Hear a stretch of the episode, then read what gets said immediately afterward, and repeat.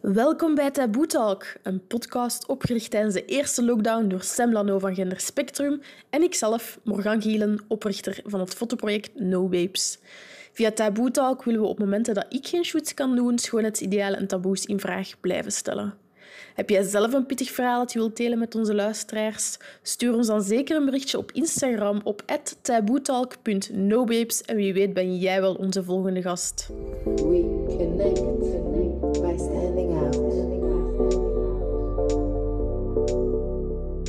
Hey, hallo iedereen. Welkom bij een nieuwe aflevering van Taboo Talk. Eh, dit is uh, Morgan Gielen en Sam Lano. En uh, we zijn hier vandaag met Samuel. We gaan het vandaag hebben over het thema trans of gender, of hoe dat het ook wilt noemen.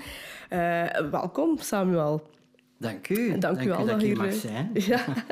Stel uzelf misschien een keer voor. Wie, wie zijt jij? Wat doet jij in het dagelijks leven?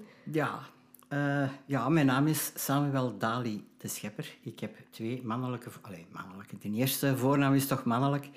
Gekozen op een bepaald punt in mijn leven, omdat ik niet als man geboren ben. En ik had vroeger een vrouwelijke voornaam. En ik dacht, oh, dat mag best wel artistiek klinken, hè, voor als ik eens een podcast moet doen of zo. en uh, ja, mijn voornaamwoorden zijn nu hij en hem, maar eigenlijk, uh, dat, dat, dat, is mannelijk, maar eigenlijk intussen na zo wat afspeuren van heel dat genderspectrum heb ik besloten van er is eigenlijk geen vaste plaats uh, voor mij op die lijn of op die cirkel, gelijk dat je het wilt zeggen. Um, dat, dat kan ook variëren, dus in die zin ben ik ook wel queer. Hè?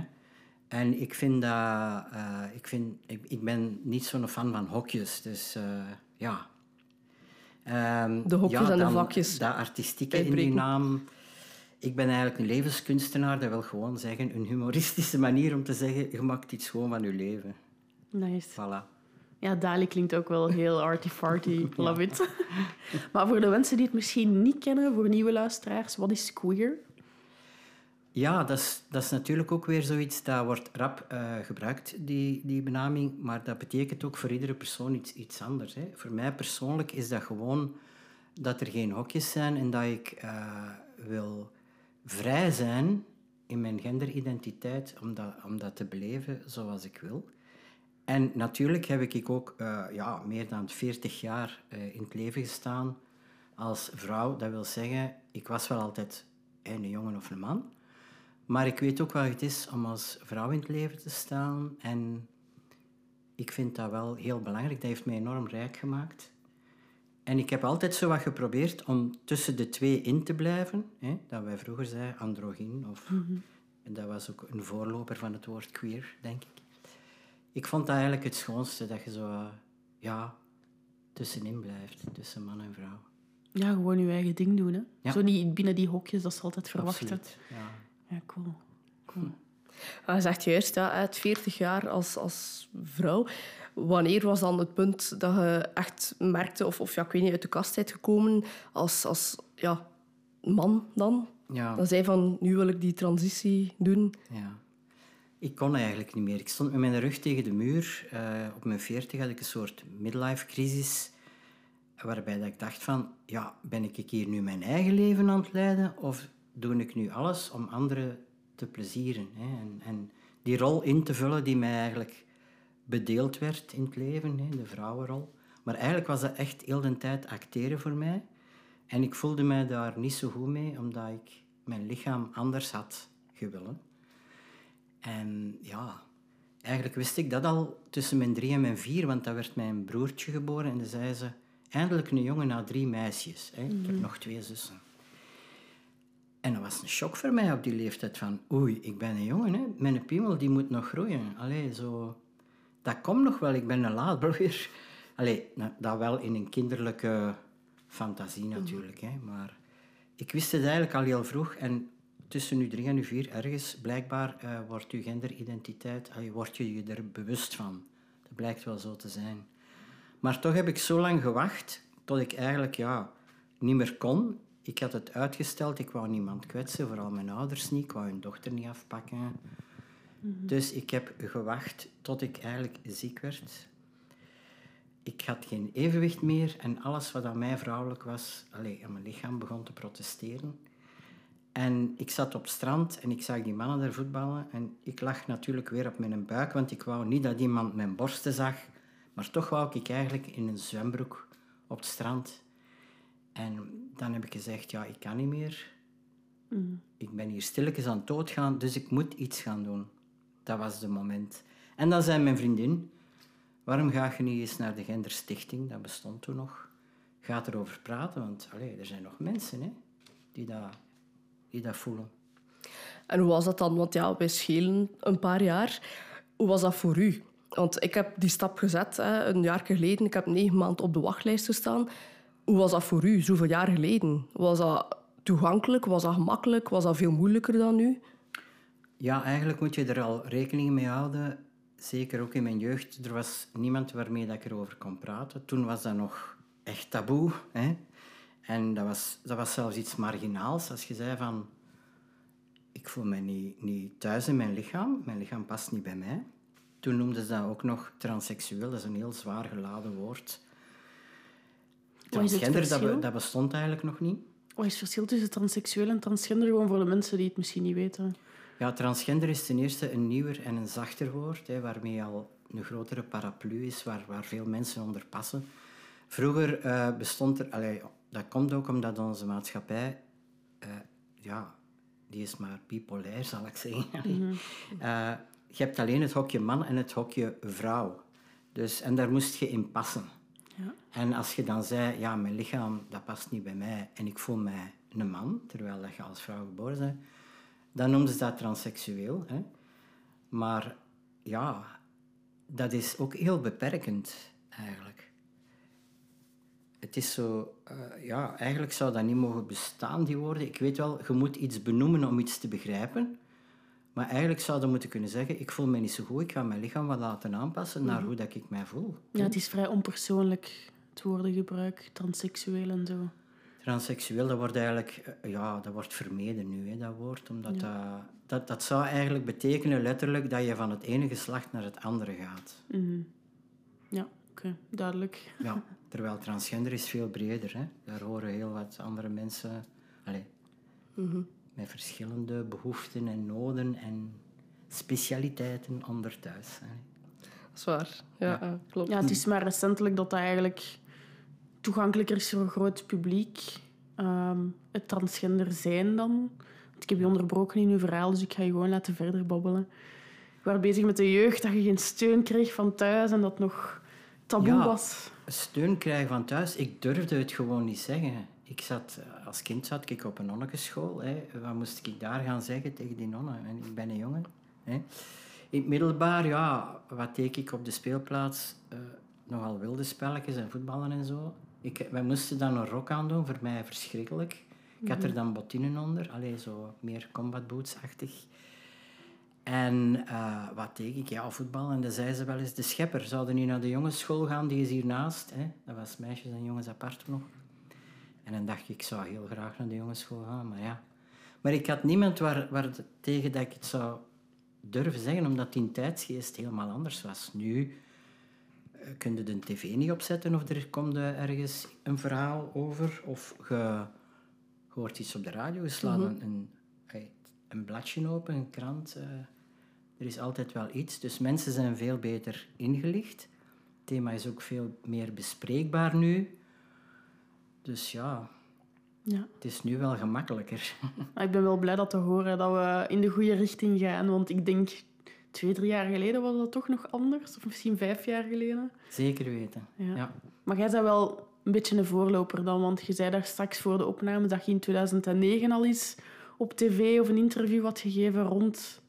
eh, ja. Wat, wat is het juiste woord? Transitie, mag ik dat zeggen? Of Het ging dat... over mijn transitie Ja. toen, ja. Dat was in Koppen en ik had wel het geluk dat Pascal Seynhaven, hè, de, de redacteur, eh, dat hij op dat moment ook heel open was en die heeft dat nog goed gekaderd, maar dat was ook wel in zijn tijd. Ik bedoel, nu is dat weer al anders. Nu gaan ze ook meer over je gevoelens praten, wat eigenlijk het belangrijkste hoofdstuk is. Want je genderidentiteit, dat gaat niet over fysieke kenmerken, dat gaat gewoon over hoe dat je je innerlijk voelt. Voelde u mannelijk, voelde u vrouwelijk, voelde u allebei, voelde u geen van beide, staat er daar volledig buiten. Dus alles moet kunnen. Ja, dat is iets heel westers, hè, die indeling van man-vrouw. Terwijl als je teruggaat naar de geschiedenis in bepaalde werelddelen of, of stammen, dat man-vrouw, dat bestaat gewoon niet. Daar ja, dat, zo be- van- dat bestaat wel, maar ze, ze geven ook gelukkig daar meer ruimte voor andere variaties. Ja, inderdaad, dat bedoelde ik. Ja, in sommige culturen zijn, heb- spelen die ook een belangrijke rol. Maar wij leven, allee, ja, van nu de malchance, denk ik, dat wij een heel binaire, hier in, in, in België toch, of in Europa, heel binaire wereld leven, waar dat alles gehenderd is. Ja. Eh, kijk maar naar bepaalde, eh, like de Franse taal. Hè, dat is, dat is- ik denk dat er geen taal zo binair is als de Franse taal. Dus eh, ja, er is eh, nog, nog veel werk aan de winkel op dat vlak ook. Ja. Ja. Maar voor even terug te komen op, op het ding. Dus hè, ja, het is al een paar jaartjes dat hij dus als man door het leven gaat. Ehm, je hebt ook de, de volledige transitie gedaan. Als ik daar zo'n vraag mag over stellen. Like, hoe was dat dan voor u? Eh, want ja, like, nu hoor je soms zo echt van die horrorverhalen van... eh, de, de operatie is mislukt en heel veel ehm, ja, eh, ontstekingen of, of ik weet niet wat. Ja. Was dat iets wat, dat hij in het begin al wou? Ik wou eigenlijk als kind al een piemel, want ik dacht, ja, dat, dat, allee, dat was gewoon een stuk dat aan mijn lichaam mankeerde. En ik vroeg dat aan Sinterklaas, maar ja, die bracht me aan een Barbie, spijtig genoeg. die had dat nog niet door. Hè. Ik durf dat natuurlijk ook niet op een briefje schrijven, zo van de wishlist van, eh, van de Sint, maar ik zat s'avonds wel te bidden en dan, ja, het andere dag 's morgens, als ze zeiden, mama zei dan, kindjes, kom maar zien, de Sinterklaas is geweest. Dan keek ik onder het laken, maar er was niks veranderd. Hè. En je koestert als kind, heb je nog zo die naïeve ehm, gedachte van, dat gaat hier nog wel veranderen. Maar dan kom je natuurlijk in het besef, in de puberteit, van, nee, dat gaat niet meer veranderen. Ik moet hiermee verder. En ja, dat bleef altijd zo een droom, maar dat was utopisch ver weg. Tot, ja, ik zag dan wel eens in de jaren negentig een documentaire van Jambers. En ik zag dat dat dan wel kon. Dus dat was, eh, dat was een, een man die vroeger, die ook vrouw, als vrouw was geboren, alleen als meisje. En die had die hele transitie gedaan. Die was geopereerd in Zwitserland, want toen was ze nog niet in België. En dan dacht ik, tja, dat kan wel en dat is het. Ik wil dat ook. Maar op, allee, terzelfde tijd had ik een enorme angst van... Ja, dat gaat onbetaalbaar zijn. Ik ga dat niet durven. Ik kan mijn ouders dat niet aandoen. Dus je, je verdringt dat gevoel ja, totdat je niet meer anders kunt. En dan ben ik op gesprek gegaan. eh, en bij, eerst natuurlijk bij een psycholoog en een psychiater. In die tijd was het nog zo van, ja, als je een ingreep wilt, moet je ook wel de hormoontherapie doen. Nu, laat duidelijk zijn, ik wou dat allemaal. Hè. Ik wou er mannelijker uitzien. Ik wou ook eh, mijn lichaam volledig aanpassen aan hoe ik mij van binnen voelde. Dus ik, ik heb alles, allee, het hele circus, zoals ze zeggen, eh, gedaan. Maar ik vind het wel belangrijk dat je weet dat er ook mannen zijn zonder penis. Hè? Dus mannen met een vagina en vrouwen met een penis. Dus het is gewoon hoe, ga, hoe je je voelt en welke stappen je wil zetten, ja, dat moet je zelf bepalen. Wilt je hormonen of wilt je ingrepen? Dus, maar dat, dat maakt je niet minder man of vrouw. En dat hele proces, hoe lang heeft dat geduurd bij u ongeveer? Ben in 2003 in de zomer ben ik begonnen aan de gesprekken. En dat duurt dan enkele maanden, omdat ze toch wel goed willen zeker zijn eer ze je hormonen toedienen of eventuele ingrepen. Dat, dat jij er zelf ook zeker van bent. Dus in 2004 ben ik dan met de hormonen gestart. En dan begint eigenlijk ook uw real, real life test, zoals ze zeggen. Dus je moet in de gewenste genderrol ook naar buiten komen. Je moet je coming out doen. En ja, dat was even wel moeilijk, omdat ik eerst heel onzeker was van oh, hoe gaan de mensen erop reageren? Terwijl, dat is eigenlijk niet zo belangrijk. Je moet naar je eigen kijken. Hè. Maar ik was dan niet gewend om mezelf op de eerste plaats te zetten dan. Maar als ik dan een tijdje met de hormonen bezig was, ja, dan voelde ik mij ook wel beter in mijn vel. En ik kwam eigenlijk in mijn centrum door die mannelijke hormonen. En dan heb ik ook wel gedurfd om, om mijn ouders in te lichten en om mijn familie, allee, iedereen, eh, mijn werkgever. Dus, en eigenlijk hebben die allemaal fantastisch gereageerd. Ah, dat is super om te horen. Ja. Ik heb natuurlijk wel geluk, want bij sommige mensen is het heel anders. En dan zeggen ze, als je dat doet, dan zijn mijn kind niet meer. Maar dan denk ik, ja, waar is de liefde dan? Ja, klopt. Ja, klopt, inderdaad. Ja, dat is geen onvoorwaardelijke liefde dan. Nee, Nee. nee. Ehm, natuurlijk, voor de luisteraars, die zien dat niet, ik wel. Eh, op uw arm hè, je hebt een, een redelijk groot litteken. Ja. Eh, dat is van, van, uw, van uw operatie. Krijg je daar soms, vroeger en nu, soms reacties op? Ja, soms zeggen ze, amai, wat heb jij aan uw arm? Dat moet pijn gedaan hebben. Wat heb jij meegemaakt? En dan zeg ik zo droog weg. Ja, dat is van mijn penisverlenging. ja, dat is niet gelogen. Hè. Dus eh, ze hebben mijn, mijn jonge heer, hè, zal het zo noemen, gecreëerd uit mijn arm door drie huidlagen weg te nemen. eh, zenuwen, omdat je toch ook wel een gevoel wilt hebben daarin. En natuurlijk eh, aders, want het, moet, eh, het bloed moet op en af gaan. Hè. Je wilt dat dat blijft leven, dat dat niet afsterft. Dus Ja. dat is een staaltje microchirurgie waar dat ik eh, die profs van TUZ nog altijd enorm dankbaar voor ben. Echt waar. Die hebben mijn leven gered. Ja, het is wel een feit dat toen ik met No-Babes begon, ik was totaal niet thuis in de trans- of LGBTQ community. Dat was allemaal nieuw voor mij. En dan had ik Jasper gefotografeerd, ook een, ehm, een transman. En die Ja. had ook zo van die littekens. En ik had zoiets van, "Wauw, wat is er daar gebeurd? Dus Ja. het is wel interessant dat je dat benoemt. Ja. Ehm, dat de luisteraars ook weten van... Ja, dat komt vandaar. Want ik was ook Je- zo... Wat heb jij meegemaakt? En oh, een ongeval of zo. Maar nee, het is dus van de operatie. ja, je hebt mensen die dat zeggen, ik ben gevallen en er is een motto over mijn arm gereden. Ah, ja. Is er een bepaalde schaamte dan- daaromtrent Ja, soms? er is nog altijd schaamte. Dat is een soort taboe dat er nog altijd... Omdat mensen bang zijn van het oordeel.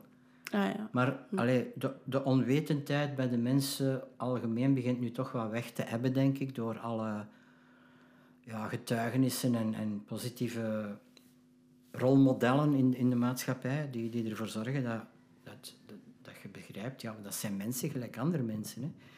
En ik denk ook voor mezelf, ik ga ermee een beetje humor mee om en ik ben er heel open over, want anders kan er nooit niks veranderen. Als je zou niet zeggen, ja kijk, ik ben transgender, ik, ben, ik heb een transitie doorgemaakt. Als niemand dat zou zeggen, dan bestaat het eigenlijk niet en dan moet de maatschappij er gewoon geen rekening mee houden. Ik heb ook 40 jaar eigenlijk eh, in een kerker gezeten, precies. Alleen in ballingschap geleefd. Dus waarom zou ik nu nog zwijgen? Wij, ja, ik wil gewoon vrij zijn. Ja, je bent sowieso een voorbeeld voor velen. Hè? Ja, dat, eh, dat hoop ik. Ja, en ik kijk daar ook super hard naar op, want ik ben ja, een beetje jonger dan u. En, en ik merk dat wel. Dat zijn ja, toch een bepaalde rolmodel. Hè. Ik kijk toch altijd op naar, naar oudere trans mensen of, of allee, mensen in de, de queer community. Dus eh, ja, ik ben daar ook heel dankbaar voor. Dat je ja, daar zo open over bent ook. Ja. Ja, ik denk dat het nog moeilijker is als je zegt, ik ben queer en ik hoor in geen van die twee hokjes thuis. Of, hé, ik ben ze allebei of ik ben geen van beide. Want dat is nog iets dat mensen echt moeilijk begrijpen, denk ik. Terwijl dat ik zoiets heb van, laat dat nu toch eens los. Laat ons nu toch eens gewoon zijn wie, wie, wie we zijn, wie we zeggen dat we zijn. We zijn er wel zeker van, hè. Want daar heb je wel, ook als je zegt van ik ga in transitie en ik heb mij altijd een man gevoeld bijvoorbeeld, dat mensen, hè, dat zijn dan de reacties van ja, maar zit jij er wel zeker van? Wil- je moet je eigenlijk in het begin altijd zo precies verdedigen. Of het is maar een Dat is fase. vermoeiend. Ja, het zal maar een fase zijn. Denk daar nu toch nog maar eens goed over na, terwijl je hebt er heel je leven van afgezien en eens dat je de beslissing neemt, ja, dat kan dan niet snel genoeg gaan en daar zit je er wel zeker van. En wat deed dat met uw mentaal welzijn? Zo 40 jaar in een kerkerleven, zoals gezegd. En dan daarna toch zijn wie dat je wilt zijn. Ja, ik probeerde dat op te lossen, ook wel met mopjes, rap wat lachen, om dan de ernst van de situatie, hoe dat je je eigenlijk voelt van binnen, hè, rot slecht, om dat af te blokken, want ik wou niet dat iemand dat zag. Eh, dat was mijn privé. Dus, maar ik was stilletjes aan het doodgaan. Eh, allee, ik had ook geen, geen, eh, geen wens niet meer om echt lang te leven. Ik dacht vroeger, ik ga de dertig niet halen, bijvoorbeeld. Dat hoeft ook niet. Dus dat, ja, als je niet kunt zijn hoe dat je je voelt, als je dat niet kunt uiten, dan zit je gevangen in je eigen ja, lichaam. Hm. En ze hebt juist gezegd ook, je hebt eh, 40 jaar als, als vrouw door het leven gegaan, nu niet meer. Merk je, omdat we daar juist even hadden over de, de hokjes en vakjes, merk je een verschil? Want ja, het leven als vrouw en het leven als man nu worden soms... Allee, eh merk je bepaalde vooroordelen? Of denk je dat je vroeger beter mee, mee weg kon dan nu?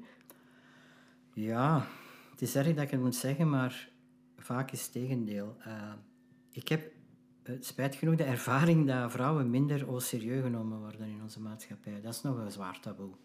Ja, daarom is feminisme nog nodig, zeg ik altijd. Ik ben eigenlijk feminist geworden na mijn transitie. Ah ja. Ja, omdat ik voel van...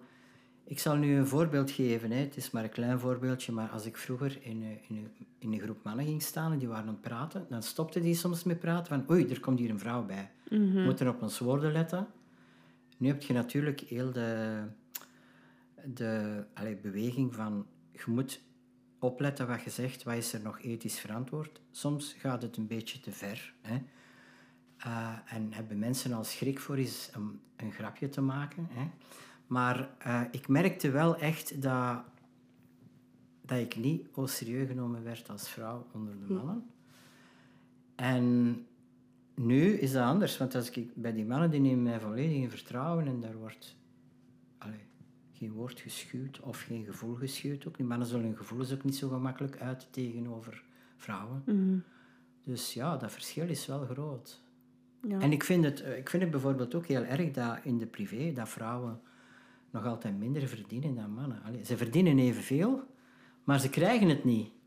Dat is toch allee, waanzin. Ja, ik kan, ik kan daar ook uren over doorgaan, over de ongelijke rechten tussen mannen en vrouwen. Maar dat is, Ja. een, dat is een andere Taboo Talk aflevering, denk ik, dat we eens moeten doen. Ja. Nee, maar ehm, gesproken over grapjes maken over, het is inderdaad een dunne lijn, want mensen denken nu van oei, ik weet nog niet hoe ik ermee moet omgaan, dus ik weet niet in hoeverre ik daar grapjes over mag maken. Maar je gaat in het nieuwe seizoen van Taboe verschijnen van Philippe Geubels. Dat komt binnenkort op tv. Ja. Hoe was dat dan voor u, dat, dat een witte cisman eigenlijk ja, wel dan grapjes maakte over jullie situatie? Heeft dat dat goed aangepakt? Hij heeft dat heel goed aangepakt, want ja, Filip is... eh, ik ben er heel hard van geschrokken. Je denkt ook, amai, als je er zo eens een week mee weg dat zeker al elke moment van de dag lachen. Eh, ik dacht ook dat hij zich ging afzonderen, en dat hij echt zo, allee, de, de bekende Vlaming, die niet met ons ging omgaan, buiten alleen op de set, maar dat tegendeel is echt waar. Hij is heel empathisch, hij is vrouwvriendelijk, vind ik ook. Uh, allee, naar alle genders toe. Uh, alles is oké voor hem. Hij, hij, hij is, hij leeft mee met u en hij luistert oprecht. Hij is oprecht geïnteresseerd. dus, en zijn humor was zeker goed. Ik vond het oké. Maar ik ben zelf ook een... Er schuilt misschien ook wel een stand-up comedian in mij. Oeh. Al denk ik, ja, het geheugen zal het al wel laten afweten, want ik ben nu 59, dus dat is al, eh, begint al te tellen. Maar ehm, de ervaring daar was echt ja, formidabel. Ook het team Panenka, heel lieve mensen. Heel, ze hebben dat ook op een, op een mooie manier gebracht, dat verhaal. En ik heb er heel toffe mensen leren kennen, hè, Sam. onder Ja, Sam andere. doet ook mee. Ja. Ja, ja klopt. Allebei BV's in wording. eh. Ja, Maar ik, ja, inderdaad, ik heb zelf ook meegedaan aan, de, aan, die, afle allee, aan die afleveringen. Maar hoe, hoe was dat dan voor u? Allee, ik heb natuurlijk mijn eigen persoonlijke ervaring daarmee. Maar heeft dat... eh allee, bedoel, echt zo'n momenten gehad van... Shit, dit is echt moeilijk. Bepaalde herinneringen die terug boven kwamen of zo. Dat je wel zoiets had van... Dat komt wel op tv. Hè. Mensen gaan dat zien. Waren er zo'n momenten dat je dacht van... Oei, dit is even moeilijk? Mijn verhaal vertellen, dat ging eigenlijk vrij vlot. Ehm, maar als we dan op bepaalde momenten samen zaten, vooral de keer dat we op het s'avonds uh, aan, het- aan, het- aan het eten waren, en ieder begon dan, want wij hadden de verhalen van elkaar nog niet gehoord, maar dan komen er zo situaties naar boven en iedereen vertelt iets over zijn gevoelens. En ja, dan zat ik echt wel soms met de tranen in mijn ogen van ja, het is herkenbaar, maar ook welke shit heb jij meegemaakt. zo. Ja. Ja, Dus dat is, heel, dat is ook heel confronterend, maar je leeft enorm mee met de anderen. en wat zij hebben meegemaakt. Ja, ik kan echt niet wachten tot het op tv komt. Het is zo een... Het was zo mooi in de live show in Arenberg om zo al een teasertje te zien. Echt heel open. En ik ben ook benieuwd wat jullie gaan... Allee, hoe denken jullie dat Vlaanderen daarop gaat reageren? Ja, gezien dat, eh, dat het evenwicht tussen het serie, de serieus, hè, de, het, het ernstige van, de personages, zal ik nu even zeggen, en dan de nummer van Philippe die dat wat relativeert. Want als je niet met je eigen kunt lachen, ja, dat is triestig. Hè? Dat is een manier om iets te aanvaarden ook en om dat ook bespreekbaar te maken in de maatschappij. Dus ik denk dat de mensen wel een beter beeld gaan krijgen. En ja, dat, dat, dat is het gewoon gemakkelijker aanvaarden als het op zo'n manier gebracht wordt. Ik denk, ik kan dat zeker beamen, want ik denk de Vlaming of de Belg hè, lost de meeste dingen op met humor. En ik denk ook, ja, humor is op dit moment zo het beste wapen, als ik het mag zeggen, hè, voor iets, iets duidelijk te maken. Maar ook dat mensen luisteren. Want ja, Ja. ik denk ook, hè, en Philippe Geubels heeft dat echt prachtig gedaan. Allee, dat ook op, op zo'n luchtige manier gebracht, maar dat toch wel binnenkomt bij de mensen. Dus ja, dat, dat hoop ik wel. Hè, met- als de aflevering, dus in dus- december, ehm, die aflevering op, op eh, 1 zal komen. Ik hoop echt ja, dat, dat iedereen die het ziet, eh, toch iets meer informatie ook krijgt. Ja. Over, ja, het, zijn, het zijn echte verhalen, het zijn ook echte mensen. Het kan uw, uw buur, man, vrouw, persoon zijn. Ja. Dus allee, ja, de, de gewone mens op straat eigenlijk. Ja, er zijn zeven afleveringen. Ik denk niet dat ze met eh, gender gaan beginnen in december. Nee, het zal misschien eerder zal januari, zijn. eh. Maar ik denk dat ze alle zeven zeker en vast de moeite waard zijn om te bekijken. En ja, ook die aflevering over vrouwen. Hè, want ja, Mhm. daar Ja, inderdaad. er is nog veel, nog veel over te zeggen en te doen. Maar helaas is er, ja, ik ga het gewoon benoemen, is er nog veel haat naar de LGBTQ, naar de trans community. En ik persoonlijk denk dat dat is omdat mensen schrik hebben van iets dat ze niet kennen. Dus ik hoop met dit dat het dichter bij huis wordt voor hen. En dat ze ook gewoon zien, want dat zijn gewoon mensen. Kan uw broer, zus zijn, zoals je zegt. Dus ik hoop dat daar wel wat meer mildheid komt. Ik hoop dat ook. Want ja, sowieso is visibiliteit dat is heel belangrijk. En dat, dat creëert een andere sfeer. Want wat je niet kent, kun je niet beminnen, of zeggen ze altijd. Of kun je niet aanvaarden, omdat je het... En ja, eh, ik denk ook voor, zelfs voor kinderen zou het goed zijn, moesten ze dat al vroeger in het onderwijs brengen. Hoe kleiner dat ze zijn, hoe beter. Hè?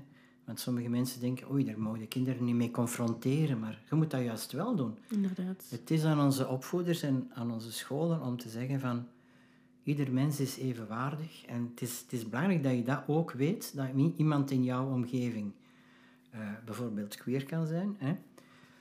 Eh, ja, dat je die even graag omarmt, even, met evenveel liefde. Allee, dus naast u laat zijn wie ze zijn. Wel, dat, is, is heel belangrijk. Wel, daarover gesproken, hè, visibiliteit. Je hebt ook een boek geschreven over uw, uw levensverhaal. Kwam dat ook uit de nood van... Ik wil dat opschrijven, ik wil dat mensen dat weten. Hè. Was dat uit die nood dat je dat boek geschreven hebt? Of was dat meer iets persoonlijk? Goh, eerlijk gezegd, het is al zo wat begonnen als, als dagboek. Want ik dacht met die operaties, eh, na mijn operaties, er gaan misschien veel andere mensen vragen stellen aan mij, vooral de transmannen. Hoe was dat je juist wakker werd? En dus ik ben beginnen schrijven na mijn eh, borstreconstructie. Dus dat was tegelijkertijd met de hysterectomie in 2005. Hè. En dan, ben ik, dan had ik daarna wat tijd, hè, ziekteverlof, om, om zo wat te schrijven. En vooral van die dag 1, dag 2 en zo verder. Hè. En dan heb ik dat voor, verder gezet, het jaar erop met mijn eh falloplastie, zoals ze dat noemen, dus de penisconstructie. En ja, het jaar erop heb ik nog een erectieprothese gehad. Hè. Dus, en ik vond dat belangrijk om al die ervaringen eh, te delen met, met mensen die dat wouden weten. Maar dan, daarna dacht ik, tja, ja, dat schrijven, dat ligt mij wel. Ik ga eens wat meer, want dat is, dat is iets dat vaak vergeten wordt, over mijn emoties en mijn gevoelens schrijven. En zo werd dat al echt allee, een, een serieus dagboek, maar uitgebreid dan. En ik dacht, ah, waarom niet beginnen aan mijn jeugd? Hè? En voor ik het wist had ik een manuscript en vond ik een uitgever die zei, dat verhaal wil ik best uitgeven. Dus, ja. En het, de titel is Aan de achterkant was alles in orde. Dat is een beetje humor ook weer, hè. zo leerde mij al direct kennen. aan de achterkant zien we er allemaal hetzelfde uit, is aan de voorkant dat de verschillen te merken zijn. Hè. En waar kunnen we het boek kopen? Je kan het eh, eventueel via mij bestellen op eh, mijn website www.samueldali.com.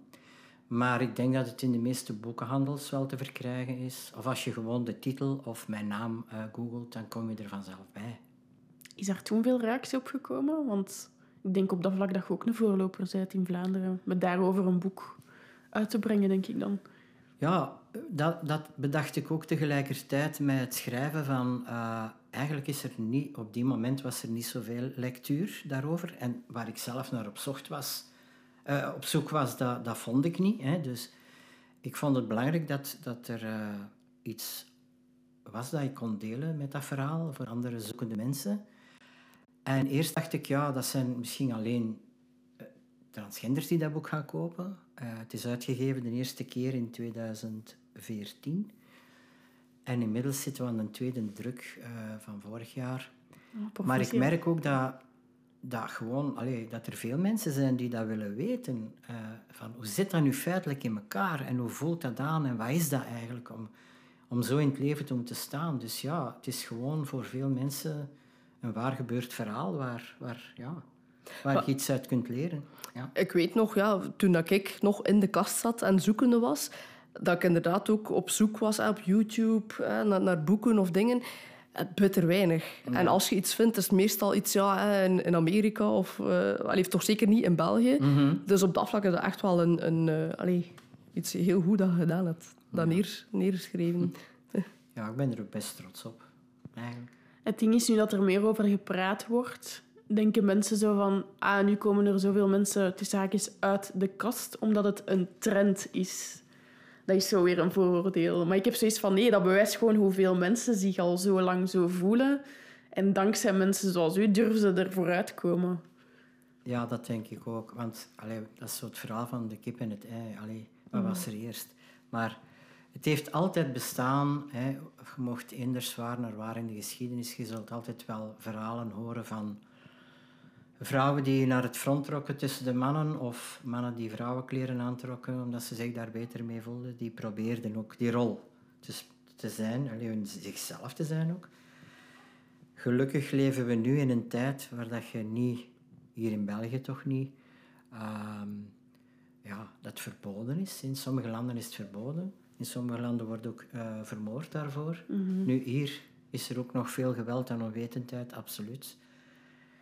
En ja, maar als we, als we niet samen opstaan en, en zeggen van speak up, dit is er aan de hand, dit ben ik, en u toont zoals je werkelijk bent, ja, dan kan er nooit niks veranderen. Hè. Dus...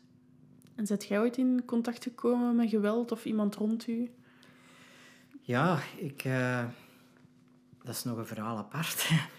um, ik had uh, iemand leren kennen uh, in mijn leven, nog ah ja, tien jaar geleden, die eigenlijk uh, geboren is als man. Mm. En die, die dan ook de transitie heeft doorgemaakt hè, tijdens ons huwelijk.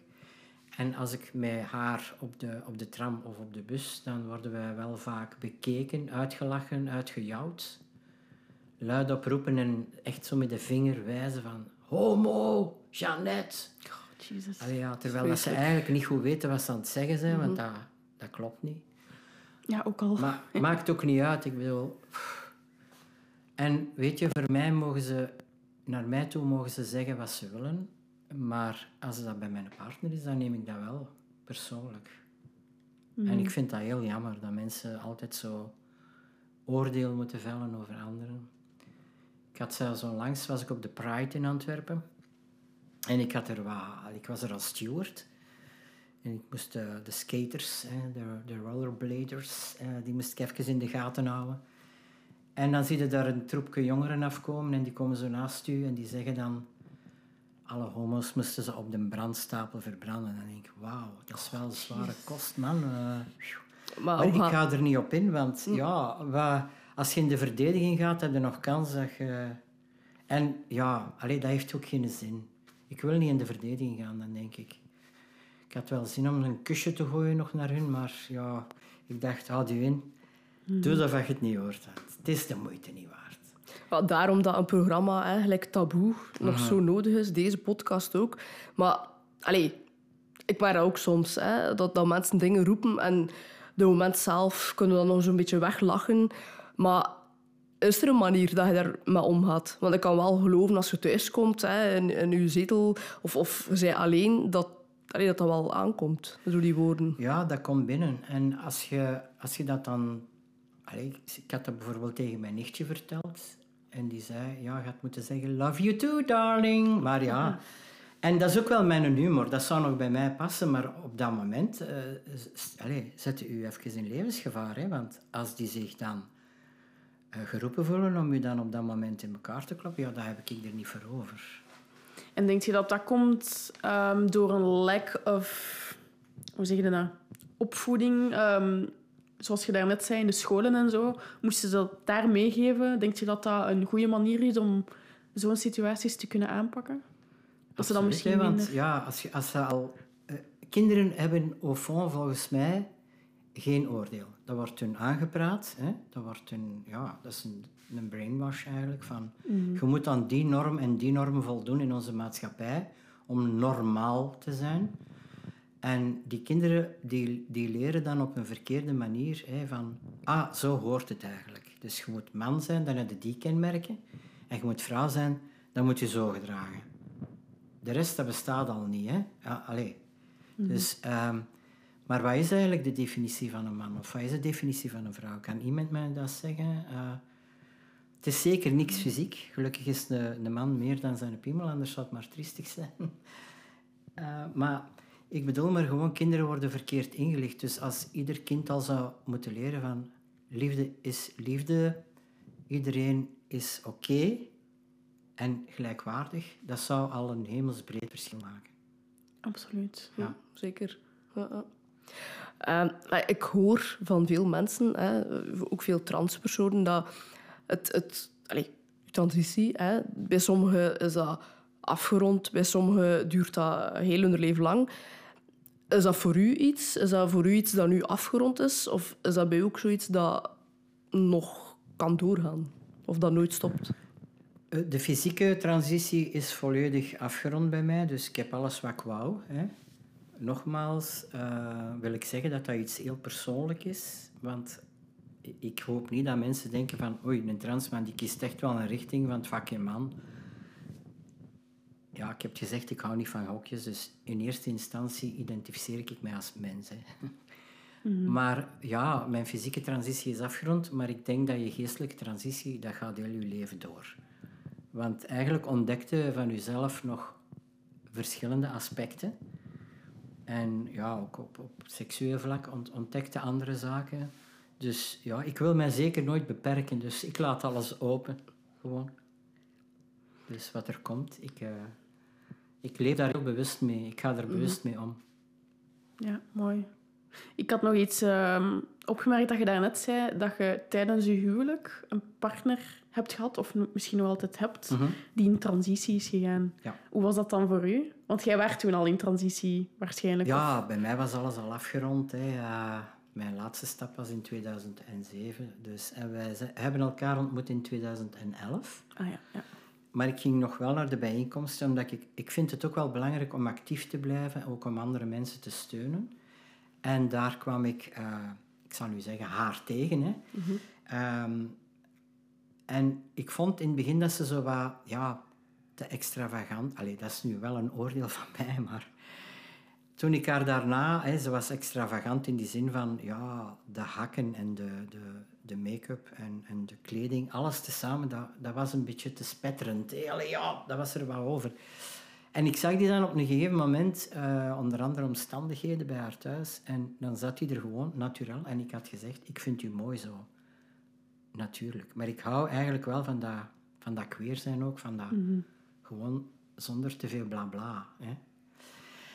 En die heeft dat even ehm, ja, opgenomen van oei, Samuel wilt mij natuurlijk zien, dus als, als man. Maar eigenlijk als mens was dat ook voor mij eh, dat ik die zag. Hè. Dus, maar dan heeft hij de transitie even afgeblokt. En dan zijn we als man en man getrouwd. Oké. Maar ja, mijn leven is een soap natuurlijk. Na een jaar huwelijk zei mijn man tussen aanhalingstekens van... Ik ga ook mijn transitie verder zetten. En ik wil echt wel volledig allee, als vrouw verder door het leven gaan. En dat was voor mij ook even een shock, want ja, dan dacht ik, wat heb ik aan mijn mensen aangedaan? En dat is even een rouwproces, toch wel, confronterend ook. Maar ja, ik zag die sowieso al graag, hè, dus ja, we veranderden niet zo heel veel. Alleen dat ik een andere voornaam moest zeggen en ja. Is dat moeilijk om op dat moment afscheid tussen haakjes te nemen van uw man op dat moment?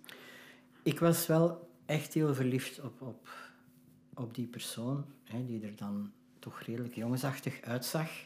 Die is ook wel een pakje jonger dan mij, 15 jaar. Maar allee, ik zal nu zeggen, ik ga even voor het gemakkelijk, want anders gaan de mensen niet meer kunnen volgen. Op dat moment, mijn man, die had wel altijd een handtas bij bijvoorbeeld. En die durfde al eens een vrouwelijkere schoen dragen of iets, iets meer eh, dat, voor, allee, dat voor de beide kan, in mijn kledij. Dus, maar ik vond dat oké dat hij zo vrouwelijk was. Eh, ik snap ook niet wat mensen er zo confronterend aan of, of afstootwekkend aan vinden dat een man een handtas zou dragen. Inderdaad. Of make-up, allee ja, Of nagellak. whatever. Als je er goed mee voelt, moet je dat toch gewoon doen. Wat is Zeker, er zo raar aan dat je zeker. je eigen gewoon wilt zijn en dat je wilt uitdrukken op een bepaalde manier?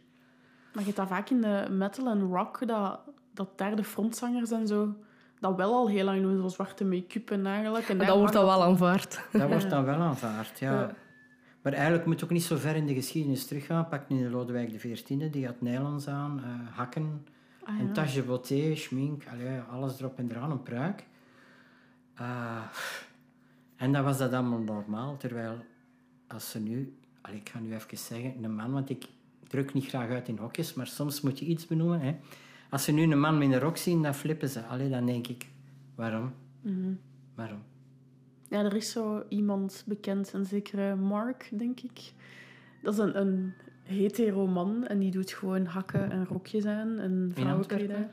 Nee, die is van Duitsland, denk Ah, ik. Die is zo Die komt op tv of zo. Of, eh, Nee, ik weet zijn naam niet meer, maar op, op Instagram en eh, wereldwijd is die doorgebroken omdat hij gewoon zoiets heeft van fuck you all, ik doe aan wat ik wil. En dat is Ja. wel echt een statement, vind ik. Het zou zo moeten zijn, hè? Allee, Absoluut. Ik heb ook zoiets van, een, een, een kledingstuk is maar een stuk stof. Allee, het- het- Ja. Wie heeft ooit beslist, dit stuk stof is voor een man, dit stuk stof voor een vrouw? Allee, dus ja, aan wilt. Het is allemaal veel te beperkend. Hè. Mhm. Maar in Antwerpen is er ook zo een man... Allee, ja, ik zeg nu even een man, ik ken die genderidentiteit niet, maar gewoon kort haar, niet geschminkt, ziet er mannelijk uit. Aan de bovenkant een, een hemd, een mannenhemd. En dan heeft hij daar een rok onder en hakken. En die gaat zo op straat. Die riskeert eigenlijk wel... Allee, ik vind dat ongelooflijk goed dat er zo mensen zijn die die, die die genderlijnen overschrijden en die dat doorbreken. En het goede was ook dat de, de stad Antwerpen, die heeft die op een poster gezet van eh, dit is ook oké zo. Allee, ik weet niet meer wat de slogan was, maar... En dat vind ik belangrijke signalen van onze overheid. hè. Dat moet meer, veel meer. Zalig. Ja. Maar natuurlijk, hè, die persoon, die is ook... Die is misschien eh, een meter 85 of zo, die is breed gebouwd. Daar zullen ze niet zo gemakkelijk... Die zullen ze misschien wel naroepen, maar die zullen ze niet zo gemakkelijk attackeren. Hè? Want ja, stel dat ik morgen een rok ga aandoen, ik zou mij er nu niet zo comfortabel in voelen, maar stel dat ik eens zeg, ik ga nu eens als vrouw op straat en ze vallen mij aan omdat ik een baard heb en ik heb vrouwenkleding aan, ik ga mij niet zo gemakkelijk kunnen verdedigen. Hè? Ik ga misschien in de knoezels moeten bijten of zo. Ja, dat is, dat is echt erover. Hè. Dus had- het, is, eh, ja, het, is, het is nog wel erg gesteld hè, met onze maatschappij. En je ziet dat op alle leeftijden, dat mensen met op, openvallende mond u nagapen. Allee, vooral dan met mijn... Soms letterlijk. ja. Eh, of andere mensen. Dat ik denk, is dat nu echt nodig om zo iemand te beledigen? Want dat is voor niemand leuk. Gewoon. Je wilt toch... Iedereen wil geaccepteerd worden, dat is toch belangrijk. Ja, ja zeker, zeker. En mensen proberen nu ook altijd, jij zult dat ook hebben, hè, Sam. Ze proberen nu direct in een hokje te steken. Oh, is dat nu een man of is dat een vrouw? En Ik kom nog dat altijd tegen. Als ze dat vroeger aan mij vroegen, dan, dan zei ik, ik mocht drie keer raden. En eigenlijk was dat nog niet genoeg. Hè? Maar ik heb ook wel indruk... ehm, ja, hoe, zeg ik dat nu proper? De oudere generaties, dat, dat zij er nog het meeste moeilijk mee hebben, omdat het iets nieuws op hun pad komt en ze willen dat zo precies niet meer processen. Dus bijvoorbeeld als iemand die ik ken van een oudere generatie, ik zeg maar iets stem tegenkomt en die zeggen de hele tijd ze of zij, ik zo, nee, het is die of hun, het is die of hun. Dan zeggen ze, ja, maar ik ben er te oud voor. Allee, eh. En dan heb ik zoiets van, nee, dat is echt wel de foute instelling. Ja, dat is omdat wij zo gewoon zijn van zijn. Hè, mee. Dat is, allee, dus hij en zij. hè. Maar iets dat, en, en ook nog over het laatst, nog niet zo lang geleden, ook veel mensen, en, en ook jonge, allee, de jongere generatie, het zeggen van, ach, dat, dat woke gedoe, hè, woke noemen ze dat dan, hè, dat, dat hoeft voor mij niet, of ik moet daar te veel bij nadenken. Maar dan heb ik zo, dat, that's the point. dat je even gaat nadenken. Ja. Dat niet allemaal of, zo... Of juist niet nadenken en zeggen, Sam, je bent een mens. Allee, Voilà, ja. Hou het gewoon simpel. Laat iedereen gewoon een mens zijn. Want ik, ik ben eigenlijk ook wel voorstander voor de afschaffing van juridische registratie van het geslacht. Waarom moet dat nog? Als je weet dat dat nog iets is van de tijd van Napoleon, die mens die leeft toch niet meer, denk ik. Hè? Allee, die is al lang dat weet. gepasseerd. hè. Eh, maar als je, als je juridisch al, daar begint het al. Want ze zien iemand bij de geboorte en ze zeggen op, op eh, vlak van uiterlijke kenmerken gewoon, het is een jongen of het is een meisje. De- terwijl er zijn ook heel veel intersexe mensen, die ze dan ook, dat, waar, waar ze al moeten beslissen van, we gaan op die pas, op die identiteitskaart juridisch hè, ook registreren als jongen of als meisje. Dan beginnen ze te snijden, totaal fout. Hè. Maar ook, hoe kunnen ze weten bij een baby wat die genderidentiteit is? Dus waarom zouden wij dat nog registreren? En dan hoor ik natuurlijk mijn vriendinnen, de vrouwen, al zeggen... Ja, maar dan kunnen wij de ongelijkheid tussen mannen en vrouwen niet meer meten. Maar dan denk ik, maar zolang dat die hokjes er zijn, is er ongelijkheid. En als je die hokjes wegneemt, dan zijn we allemaal mens. En dan kun je nog zeggen, mijn genderidentiteit is mannelijk of vrouwelijk of iets anders. En daarmee wil ik niet bedoelen dat er geen mannen of geen vrouwen mogen zijn, dat ik dat wil. Want die verschillen zijn ook best leuk. Maar je moet dat niet als... Dat moet niet juridisch bepaald worden. Dat moet geen stempel drukken op je leven. Dat is iets van je privé eigenlijk, je, je genderidentiteit. Ja, dat klopt. Dus want als je gaat solliciteren ook, en er staat bijvoorbeeld op je identiteitskaart V, dan kan die, een, die een, eh, werkgever al zeggen, ja, een vrouw die ga ik niet aanpakken, want die kan zwanger worden en dan is die misschien zo lang in zwangerschapsverlof. Daar ontstaan, allee, dat kan ook zorgen voor discriminatie. Zeker. Ja. Ja, dat zou mooi zijn, hè. Moesten we ooit naar zo'n wereld toe kunnen gaan. Perfecte wereld. Inderdaad. Want nu zeggen ze, oké, laat ons dan opteren voor die X, maar dat is zo, de X, dat zijn die anderen. Ja. De X-Men. Allee ja, dat is ook Weer al eh, een apart groepje weer, hè. weer een hokje. Ja, weer een hokje. Ja, Klopt. Laat die hokjes gewoon weg. Mensen, mensen. voilà. We zijn ja, een beetje hè, aan het einde gekomen van onze podcast. Is er zo één taboe? Moest er zo één taboe zijn binnen de heel veel taboes, dat je zegt van dit wil ik echt deze aflevering meegeven aan de mensen, dat wil ik echt doorbreken. Wat, wat zou dat dan zijn? Of een misverstand of zo. Ja, want ehm mag ik er toch twee? Hij mocht, van mij moet hij er twee. Ehm, ja, ten eerste, ik zou eh, willen zeggen van... Ik heb het al eens gezegd, maar er is eh, geen must als je zegt... Ik, mijn gen- genderidentiteit is bijvoorbeeld eh, vrouw en je bent geboren als jongen. Dat je alle ingrepen moet doen. Want binnen onze community is daar ook nog heel veel oordeel over. Als je niet all the way gaat, zit je niet echt. Wat voor bullshit is dat? Bepaalt dat toch niet voor iemand anders. Dus daar rust eigenlijk ook nog een taboe op. Maar het grootste taboe waar, waar ik nu vooral mee bezig ben, dat is eh, de opvoeding van onze kinderen. Ik heb het al eens gezegd, dus ik zou het een grote stap vinden moest er in het onderwijs eh, iets eh, veranderen in de zin van dat er eh, een vak is waar ze bespreken wat genderidentiteit is, wat seksuele oriëntatie juist is, welke unieke en leuke vormen dat er allemaal zijn en die diversiteit die ons rijk maakt. En dat die kinderen gewoon in, in alle onschuld nog leren van alles is oké. Je moogt zijn wie je bent. Dat zou al veel problemen uit de wereld helpen. En zet je dan ook voor het eh, genderneutraal opvoeden bijvoorbeeld? Ja, ik vind het heel persoonlijk wat ouders daarmee doen, maar genderneutraal opvoeden, hè, er zijn mensen die zeggen dat is, er- dat is een stap te ver, maar laat dat wat open en laat, kijk naar je kind. Kijk wat dat wilt, wat dat wil doen, welke interesses dat dat heeft. En niet te veel blauwe of roze hokjes of speelgoed waarvan je al zegt, ja, maar je bent een meisje, daar mogen je niet mee spelen. Allee, ja. Ja, klopt. Want daar dat op dat begint. moment eh, eh, doe je ook iets met de gevoelens van dat kind. En, en daar ontstaan al blokkades en problemen en trauma's. Ja. Ja, mooi om af te sluiten. Hè? Ja. Mooie boodschap om mee te geven. Maar ja, sowieso dikke merci dat je tot eh Herbs Quirps, Herbs Quirps bent gekomen. Ja, Ons boerderijtje. het is hier heel leuk, hè? mooi. Ja. Ik ben blij dat ik hier mocht zijn, merci. Heel erg merci. bedankt. En ik hoop echt... eh moet u eh, uw website straks maar een keer geven, dan zetten we dat erbij. Eh, en eh, ja, ik zou zeggen, heel erg bedankt. En eh kijk nou alvast uit naar de aflevering van Taboe op Ja, tv.